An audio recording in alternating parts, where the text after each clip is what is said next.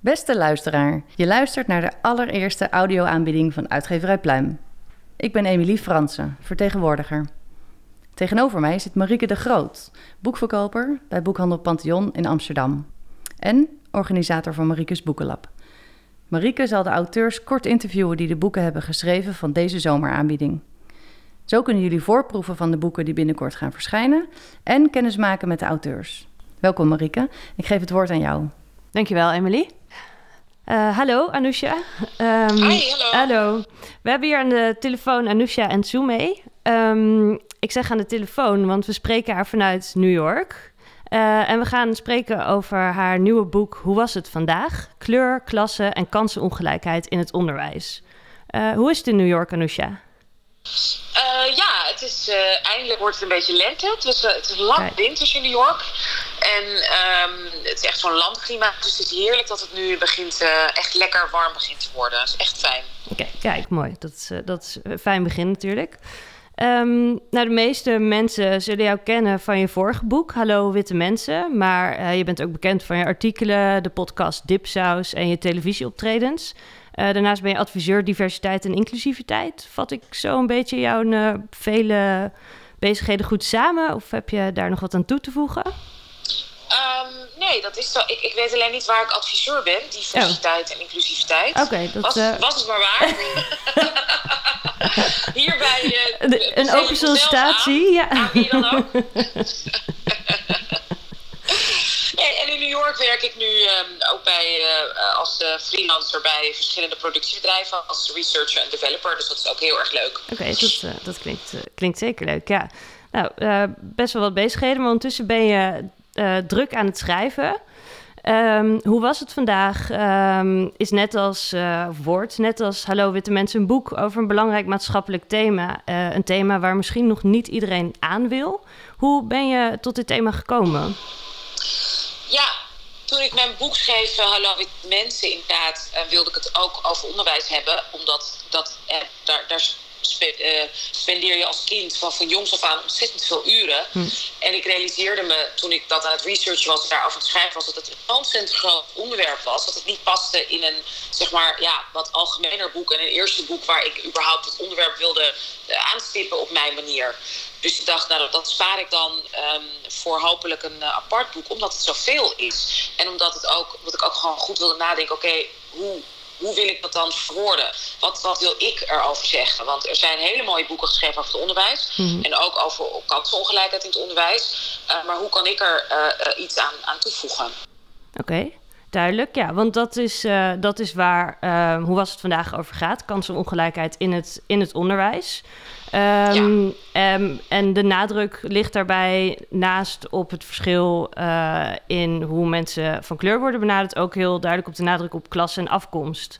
Um, ja. Ik begreep dat CITO kinderen werkboekjes geeft uh, om te oefenen voor de CITO-toets. En dat van tevoren al daar twee verschillende niveaus in zitten. Bijvoorbeeld waarbij dus het verschil uh, in kansen eigenlijk al van tevoren bepaald wordt door de docent. Zijn dat ook de dingen waar jij op ingaat? Ja, zeker. Bijvoorbeeld en ook uh, hoe, waarom hebben we het bijvoorbeeld als we het hebben over een Arabische taal of Turkse taal. Hè, als kinderen tweetalig zijn, noemen we ze meestal in het onderwijs, worden ze niet tweetalig genoemd en ook niet zo um, zeg maar benaderd, maar wordt gezien als, als dat ze een taalachterstand hebben.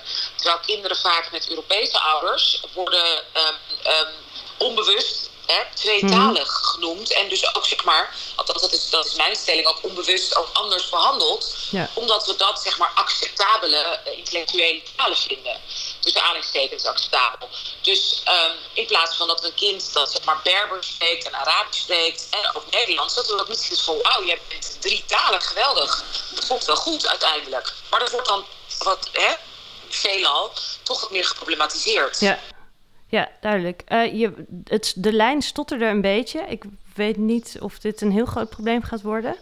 Ehm, maar daar komen we vanzelf achter. Het is maar één manier om erachter te komen natuurlijk. Ehm, ja, en voor, voor wie is, uh, is dit boek? Um, dit boek is uh, voor eigenlijk net als um, Hallo Witte Mensen is, is een brede doelgroep. Uh, natuurlijk richt ik me uh, in Hallo Witte Mensen, zeg ik natuurlijk ook Hallo Witte Mensen. Maar het is ook een beetje Hallo Witte Mensen. Dus het was, mm -hmm. het was natuurlijk voor witte mensen om erover te lezen. Maar ook voor mensen van kleur om een beetje om ze woorden te geven aan gedachten en gevoelens. Ja. Woorden die ik ook in mijn ontwikkeling vaak miste. Ja. Um, die, pas, die woorden kreeg ik pas toen ik echt research ging doen en heel veel erover ging lezen. En ik wilde het een beetje zeg maar, uh, ik vind laagdrempelig altijd een beetje suffig, maar in ieder geval, uh, nou ja, in mijn eigen woorden, zeg maar, uitleggen zoals ik het ook aan mijn vrienden of kinderen uh, uitleg. Ja. En datzelfde geldt ook voor het onderwijs. Ik wil me richten tot, ik richt me ook letterlijk tot mijn oude leraar, die het vast niet zo bedoelt, hm. maar mij ontzettend onzeker gevoel heeft gegeven over mijn culturele achtergrond. Ja. Die mij heel erg het gevoel gaf, zonder dat te zeggen, dat mijn moeder wat ze Russisch was en werkte en met een zwarte man getrouwd was natuurlijk een, uh, ja, waarschijnlijk een hele rare wilde vrouw was. En uh, mijn stiefvader, die, echt die uit een arbeidersmilieu komt, uh, nou, die werd heel vaak uitgelachen om zijn, om zijn Amsterdamse plat accent.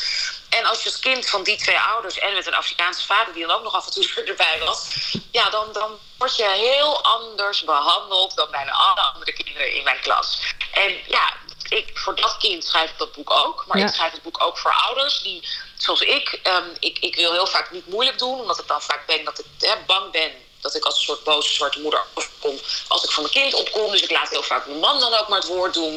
Uh, dus die ouders wil ik ook een hart onder de riem steken. En ik wil ook leerkrachten die het niet zo bedoelen, maar die er nooit over hebben hoeven nadenken, omdat het vaak geen thema is ook in hun opleiding of in Ja. hun ontwikkeling, wil ik toch ook uh, tools geven en woorden geven en emotie geven om te snappen dat juist hun taak daarin zo ontzettend belangrijk is. Ik heb één leraar gehad die wiskunde gaf op een andere manier dan standaard. Mhm. En dat jaar was het enige jaar, mijn hele VWO, zes jaar VWO, dat ik, dat ik gewoon een acht stond voor wiskunde. En daarvoor en daarna gewoon altijd met pijn en moeite vijf. Dus die leerkracht die je gewoon zoveel uur per week gewoon ziet en waar je naar luistert, die is zo belangrijk. Ja. Dus ik wil ook het hart, hè, en leraren natuurlijk misschien een beetje een spiegel voorhouden, maar ze ook natuurlijk een hart onder de riem steken en complimenteren en, en helpen met hun superbelangrijke taak. Oké. Dat eh, is een boek voor vrijwel iedereen, dus eigenlijk. Ja, eigenlijk. Ja, ja, ja, voor iedereen die geïnteresseerd is in ander geluid, zoals we altijd Ja. zou zeggen. Ja, nou. Hopelijk eh, ehm, zijn dat eh, heel veel mensen. Want eh, eh, volgens mij is het een heel belangrijk geluid dat je laat horen. Ehm, ik denk dat ik een beetje moet gaan afronden. Ja. Dus heel veel dank voor, ehm, voor, voor je tijd en de informatie Ja. die je gegeven hebt. Ik ben heel erg benieuwd naar het boek. En Dankjewel. ehm, eh, geniet van de lente. Ja, nee, heerlijk. Jullie ook bedankt. En heel fijn dat ik dit, eh, dat ik dit mocht uitleggen via de podcast. Ja. Hartstikke leuk. En eh, nou, tot, tot snel. Bedankt voor het luisteren. Ik hoop dat jullie zin hebben om die boeken te gaan lezen. En dat jullie de boeken in grote stapels in de winkels leggen. Eh, Met vragen over deze aanbieding kun je altijd terecht bij mij via emiliefransen.uitgeverijpluim.nl of bij onze vertegenwoordiger in België Barbara Gene, bgene.uitgeverijpluim.nl. Tot de najaarsaanbieding.